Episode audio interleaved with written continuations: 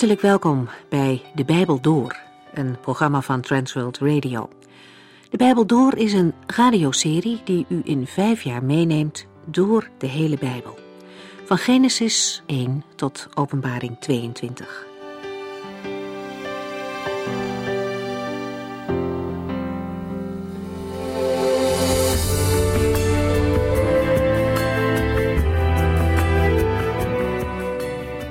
In deze serie De Bijbel Door zijn we bezig met het eerste boek van de Koningen. Na de dood van koning Salomo is het rijk in tweeën gescheurd. De zoon van Salomo, Regabiam, is koning over het tweestamrijk en Jerobeam heerst over de tien stammen.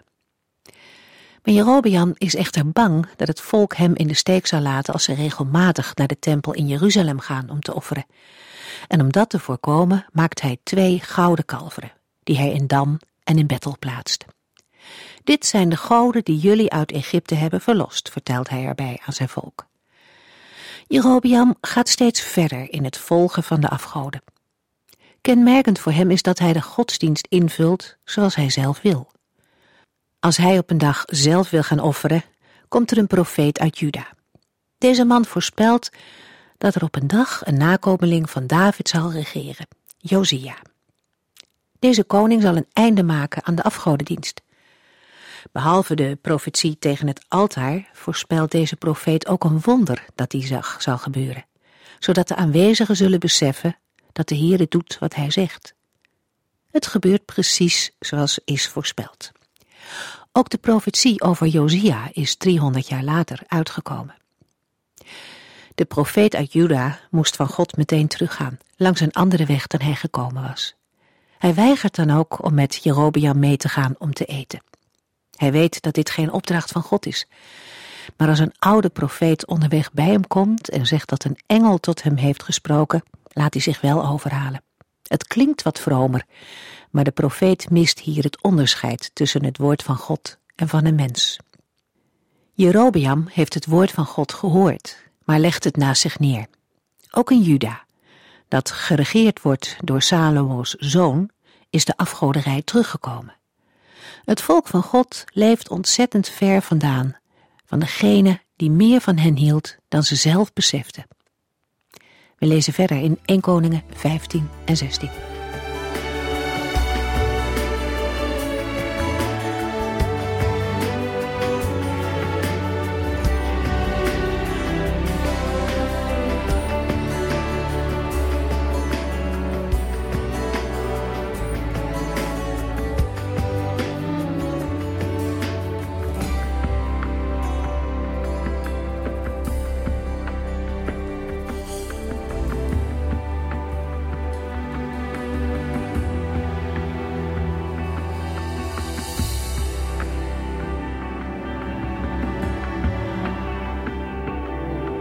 Slot van 1 Koningen 14 wordt vermeld dat er voortdurend oorlog heerste tussen Regabiam en Jerobiam. Toen Regabiam stierf, werd hij begraven in Jeruzalem. In de Hebreeuwse grondtekst weergegeven als de stad van David. Eveneens wordt in de grondtekst de naam van zijn moeder, Naama, genoemd, als ook het feit dat zij afkomstig is uit Ammon. De opvolger van Regabiam is zijn zoon Abiam. In sommige handschriften wordt hij Abia genoemd. 1 Koningen 15 vers 1 en 2 Abiam begon zijn drie jaar durende regeringsperiode als koning van Juda in Jeruzalem, tijdens het achttiende regeringsjaar van Jerobiam in Israël. Abiams moeder heette Maaga en zij was een kleindochter van Abisalom. Abiam volgt zijn vader Regabiam op als koning van Juda in het achttiende regeringsjaar van koning Jerobiam. Die heerst over het tienstammenrijk. Net als bij de andere koningen uit het huis van David wordt ook de naam van zijn moeder Maaga genoemd. Uit vergelijking met 2 Kronieken 11 blijkt dat Abiam niet de oudste zoon van Regabiam was, maar dat Regabiam hem al tijdens zijn eigen regeringsperiode, als mederegent had benoemd uit liefde voor Maaga, de favoriete vrouw van Regabiam. Abiams eigen koningschap als hoofdregent duurt maar drie jaar. Abisalom is een spellingsvariant van Absalom. Het valt op dat in deze verse naast de naam van de koning ook de naam van zijn moeder wordt genoemd. Dat is niet gebruikelijk. In het algemeen wordt alleen de vader genoemd. Waarom wordt nu de moeder genoemd? Het is omdat de moeder van grote invloed is geweest op haar zoon. Zij is voor een groot deel verantwoordelijk voor de wijze waarop de koning zich gedraagt. Ook vandaag is het gedrag en de levensstijl van ouders belangrijk voor hun kinderen. Buiten de eigen verantwoordelijkheid van de kinderen zelf is bij probleemjongeren vaak een oorzaak aan te wijzen in hun eigen achtergrond of dingen die ze al op jongere leeftijd hebben moeten meemaken. Als een vader of moeder problemen hebben, gaat dat meestal niet aan de kinderen voorbij en heeft zo'n situatie ook invloed op hun gedrag en manier van leven. Het gemis van een moeder kan diep ingrijpen. Veel jongeren zijn afgedwaald of losgeslagen omdat goede en liefdevolle zorg van ouders afwezig was of, door allerlei omstandigheden, gemist moest worden. Zulke problemen kunnen in alle gezinnen voorkomen en in alle lagen van de bevolking, ook in een koninklijk paleis. Een moeder heeft, zeker in het begin, grote invloed op haar kind. En als een klein kind opgroeit zonder genoeg liefde, zorg en aandacht, kan dat een gevolg zijn van het feit dat zijn of haar moeder meer aandacht geeft aan andere zaken. Opvoedingsproblemen kunnen ontstaan als ouders niet zelf hun kinderen opvoeden, maar dat aan anderen overlaten, omdat ze zelf met andere dingen druk of bezig zijn. Het opvoeden van kinderen vraagt veel tijd, liefde en wijsheid. Het is erg belangrijk om dat niet te onderschatten. Wat heeft dit met het Bijbelboek Koningen te maken? Nou, iedere keer als we een koning ontmoeten, worden we ook geconfronteerd met zijn moeder of vader. Dat kan zowel in negatieve als ook in positieve zin zijn. Ik denk dat de Heer ons daarmee iets wil zeggen en laten zien. 1 Koningen 15 vers 3 Hij, Abiam, was net zo'n grote zondaar als zijn vader, en zijn hart was niet aan God toegewijd, zoals bij David wel het geval was. Bij Abiam moeten we zeggen: zo vader, zo zoon. De beoordeling van zijn koningschap is negatief. Hij zet de zonde van Regabiam voort, die het volk voorging in afgoderij. 1 Koningen 14. En hij is de Heere niet volkomen toegewijd. Hij staat dan ook in contrast met David, die als stichter van het koningshuis de maatstaf vormt voor alle koningen na hem. 1 Koningen 15 vers 4 Maar ondanks Abiams zonde maakte de Heere, wegens zijn liefde voor David, geen einde aan de lijn van Davids koninklijke nakomelingen. Toch is de Heere nog genadig. Hij laat de lamp branden in Jeruzalem, zodat de lijn van David blijft voortbestaan en Abiam door zijn zoon zal worden opgevolgd. Ook houdt Jeruzalem stand en wordt de stad niet door vijanden overlopen, zoals bij Regabiam het geval was, en zoals op grond van Deuteronomium 28 kon worden verwacht. En dat is niet de verdienste van Abiam, maar genade van de Heere, omwille van David. 1 Koningen 15 vers 5 Want David had de Heere zijn hele leven gehoorzaamd, behalve in de kwestie van de Hethiet Uria. Luisteraar, de lijn van David eindigde nooit. In de Heer Jezus Christus heeft God zijn belofte aan David vervuld en gehouden. De Heer had gezegd: Ik zal de lamp niet doven tot de vervulling van het verbond dat ik met David sloot. Er zal altijd een nakomeling van David op de troon zitten om de wereld te regeren. En die nakomeling is de Heer Jezus Christus. 1 Koningen 15 vers 6 De oorlog die destijds tussen Regabiam en Jerobiam ontstond, bleef ook tijdens Abiams leven doorwoeden. Vers 6 vormt een herhaling van 1 Koningen 14 vers 30 en blikt terug op de strijd die er al voor Abiams regering was tussen het tien en twee stammenrijk.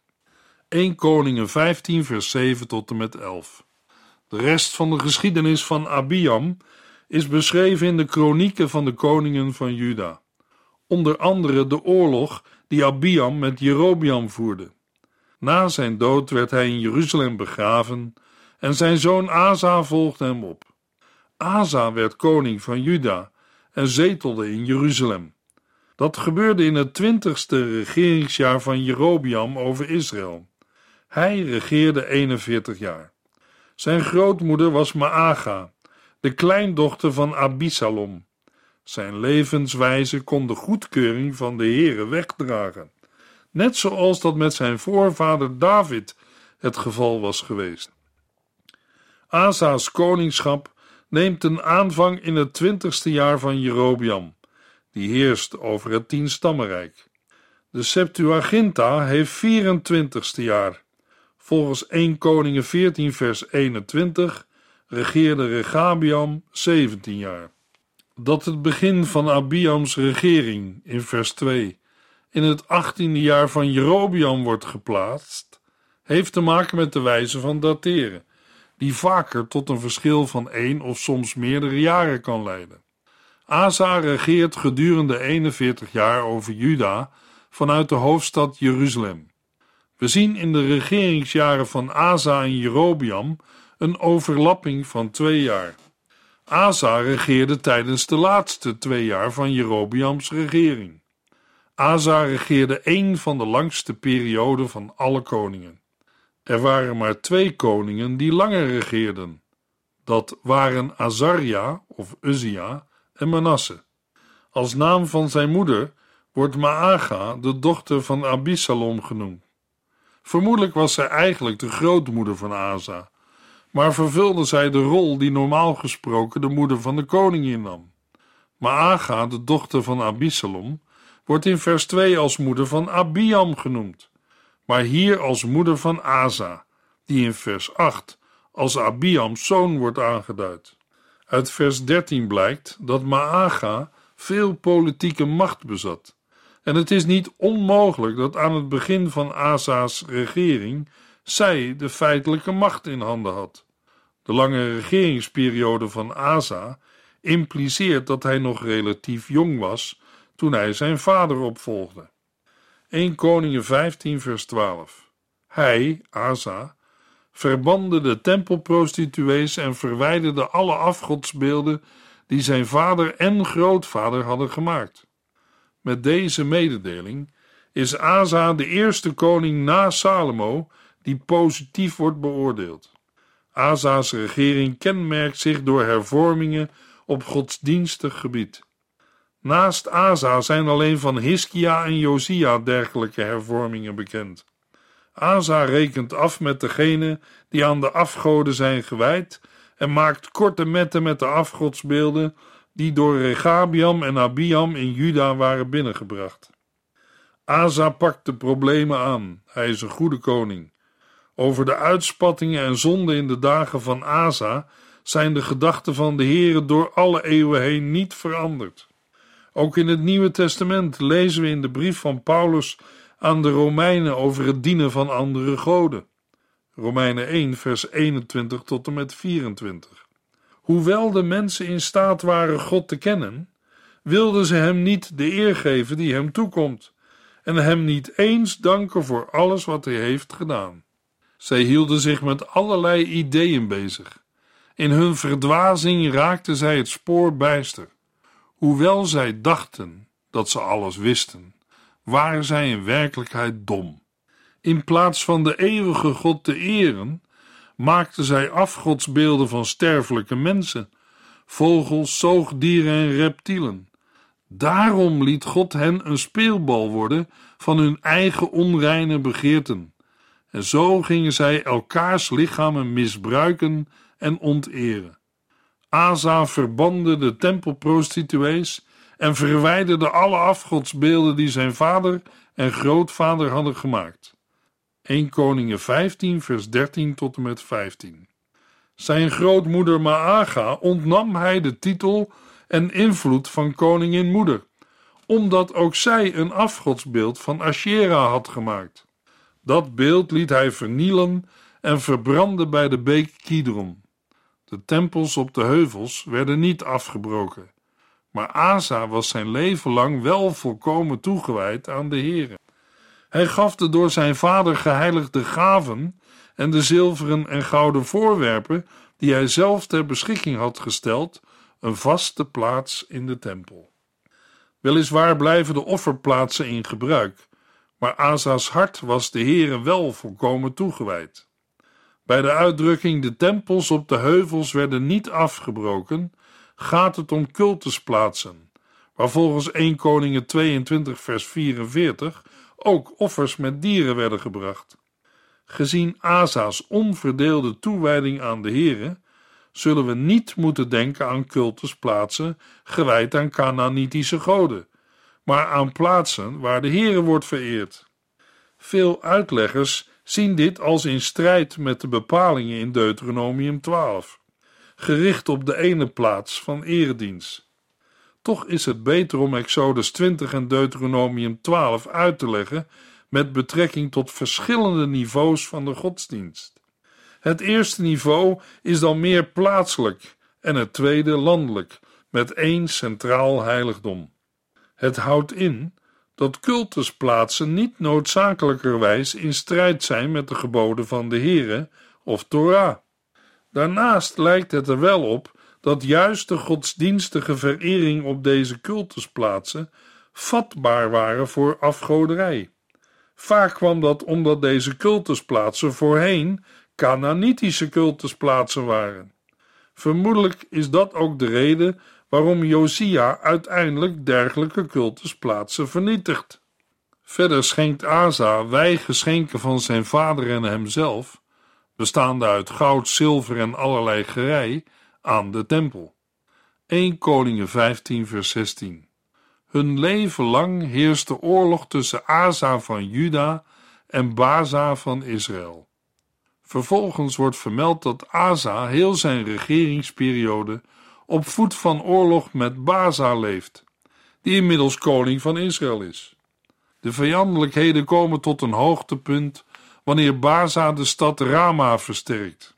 1 Koningen 15, vers 17 tot en met 19. Koning Baza bouwde de versterkte stad Rama in een poging de handelsroute naar Jeruzalem af te snijden.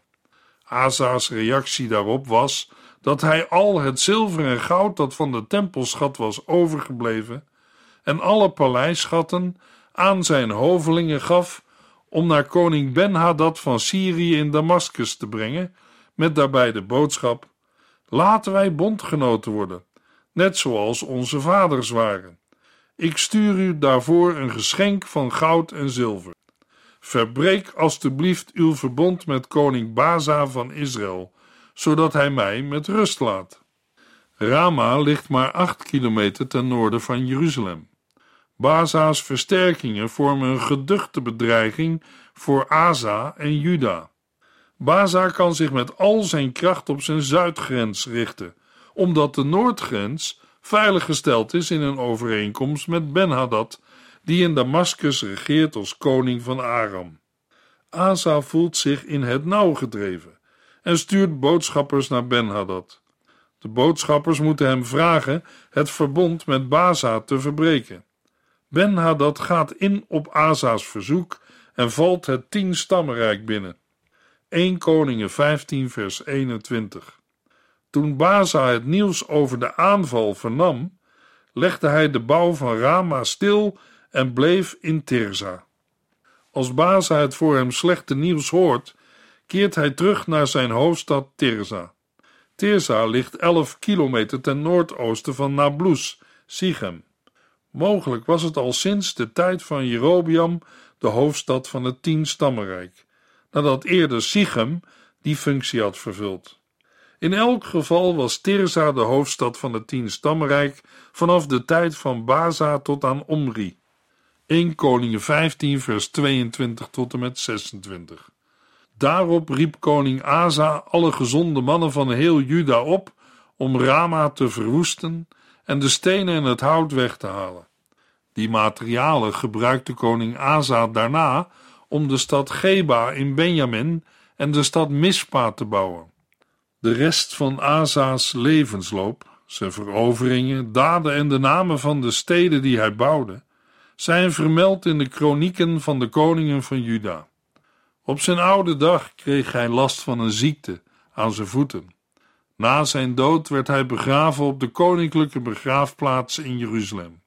Daarna werd zijn zoon Jozefat in zijn plaats koning van Juda. Intussen was in Israël Jerobiams zoon Nadab aan de macht gekomen. Hij regeerde twee jaar, beginnend in het tweede regeringsjaar van koning Asa van Juda. Maar hij was een slechte koning in de ogen van de Heere. Evenals zijn vader vereerde hij vele afgoden en verleidde hij zijn onderdanen tot zonde. Asa creëert een sterke grens tussen Israël en Juda, op de plaats waar deze liep voor de vijandelijkheden van Baza. In vers 25 wordt de draad van het tienstammenrijk weer opgepakt. De zonde waartoe Jerobiam het volk had verleid, is concreet de verering van de gouden kalveren in Dan en Bethel en tiert ook welig onder Nadab. 1 Koningen 15 vers 27 en 28 Baza, de zoon van Agia, van de stam van Issachar, zette een samenzwering tegen hem op touw en vermoordde hem terwijl hij met het Israëlitische leger de Filistijnse stad belegerde. Zo nam Baza de plaats van Nadab als koning van Israël in. Dat gebeurde in het derde regeringsjaar van koning Asa van Juda.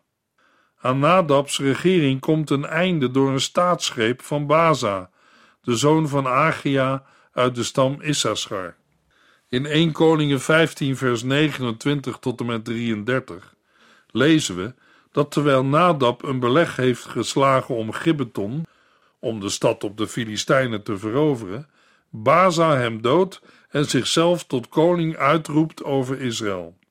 Baza's eerste regeringsdaad bestaat uit het volledig uitroeien van de familie van Jerobiam, zodat eventuele troonopvolgers direct worden uitgeschakeld.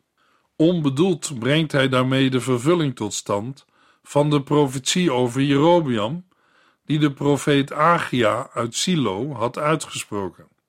Zoals gebruikelijk bij de beschrijving van de koningen van Israël, verwijst het slot van het tekstgedeelte naar de kronieken van de koningen van Israël, waar meer details over Nadabs regering te vinden zijn. Anders dan gebruikelijk wordt Nadabs dood en begrafenis niet vermeld. Ook bij toekomstige koningen die door moord om het leven komen, blijft deze vermelding achterwege. In vers 32 tot en met 34 staat dat er voortdurend oorlog werd gevoerd tussen Asa en Baza. Baza regeerde 24 jaar, maar al die tijd was hij ongehoorzaam aan de Heere. 1 Koningen 16 vers 1 In deze tijd bracht de profeet Jehu een boodschap van de Heere over aan koning Baza. Namens de Heere herinnert Jehu Baza eraan dat hij zijn positie uitsluitend aan de Heere heeft te danken. Door de goddeloze praktijken van Jerobiam door te zetten, gaat hij het volk voor in het zondige tegen de Heere. Daarom zal met het huis van Baza hetzelfde gebeuren als met dat van Jerobiam. Baza's nakomelingen zullen volledig worden weggevaagd. 1 Koningen 16, vers 3 en 4. Daarom zal ik u en uw familie uitroeien, zoals ik dat met de familie van Jerobiam heb gedaan. Uw familieleden die in de stad sterven, zullen door de honden worden opgegeten, en zij die op het land sterven, zullen door de vogels worden opgegeten. Baza mag dan wel door de heren zijn gebruikt om het voorzegde oordeel over het huis van Jerobiam uit te voeren, maar nu hij in dezelfde zonde wandelt als Jerobiam, zal hem ook hetzelfde oordeel treffen. 1 Koningen 16 vers 5 tot en met 10 Deze boodschap werd aan Baza en zijn familie gestuurd, omdat hij de toorn van de Heere had opgeroepen met al zijn goddeloze daden. Hij was net zo goddeloos als Jerobiam en had bovendien op eigen houtje al Jerobiams nakomelingen gedood. De rest van Baza's levensloop zijn daden en veroveringen, staat beschreven in de kronieken van de koningen van Israël. Baza's zoon Ela kwam aan de macht in het 26e regeringsjaar van koning Asa van Juda, maar hij regeerde slechts twee jaar. Toen zette Zimri, bevelhebber van de helft van de koninklijke strijdwagens, een samenzwering tegen hem op touw. Op een dag zat koning Ela dronken in het huis van Arza, het hoofd van de hofhouding in de hoofdstad Tirza. Simri liep gewoon naar binnen, sloeg hem neer en doodde hem. Dat gebeurde in het 27e regeringsjaar van koning Asa van Juda. Daarna riep Simri zichzelf uit tot nieuwe koning over Israël. Simri doodde koning Ela toen deze dronken was. Vanwege verschillende samenzweringen in het tien-stammenrijk was niemand veilig, ook Simri niet. 1 Koningen 16 vers 15 tot en met 18 Simri hield het als koning slechts zeven dagen vol. Toen het Israëlitische leger, dat bezig was met het beleg van de Filistijnse stad Gibbeton, namelijk hoorde dat Simri de koning had vermoord, kroonde het generaal Omri, de opperbevelhebber van het leger, tot nieuwe koning. Omri trok toen het leger terug van Gibbeton en viel Tirza, de hoofdstad van Israël, aan. Toen Zimri besefte dat de stad was gevallen, ging hij het paleis binnen, stichtte brand en kwam zelf om in de vlammen. Het waren donkere dagen voor het tien-stammenrijk en het einde was nog niet in zicht. Want nadat Omri was gekroond tot koning, eiste Tipni ook het koningschap op. Maar Omri wist de machtsstrijd te winnen en Tipni overleed na verloop van tijd. Op die manier kwam Omri aan de macht zonder nog verdere mededingers te hebben. Omri regeerde twaalf jaar, maar hij was nog slechter dan alle andere koningen voor hem. In vers 28 lezen we: Omri werd na zijn dood in Samaria begraven en zijn zoon Agab volgde hem op. Zal het nu beter gaan met Israël onder koning Agab? We gaan het lezen in de volgende uitzending. Dan lezen we verder in 1 Koningen 16.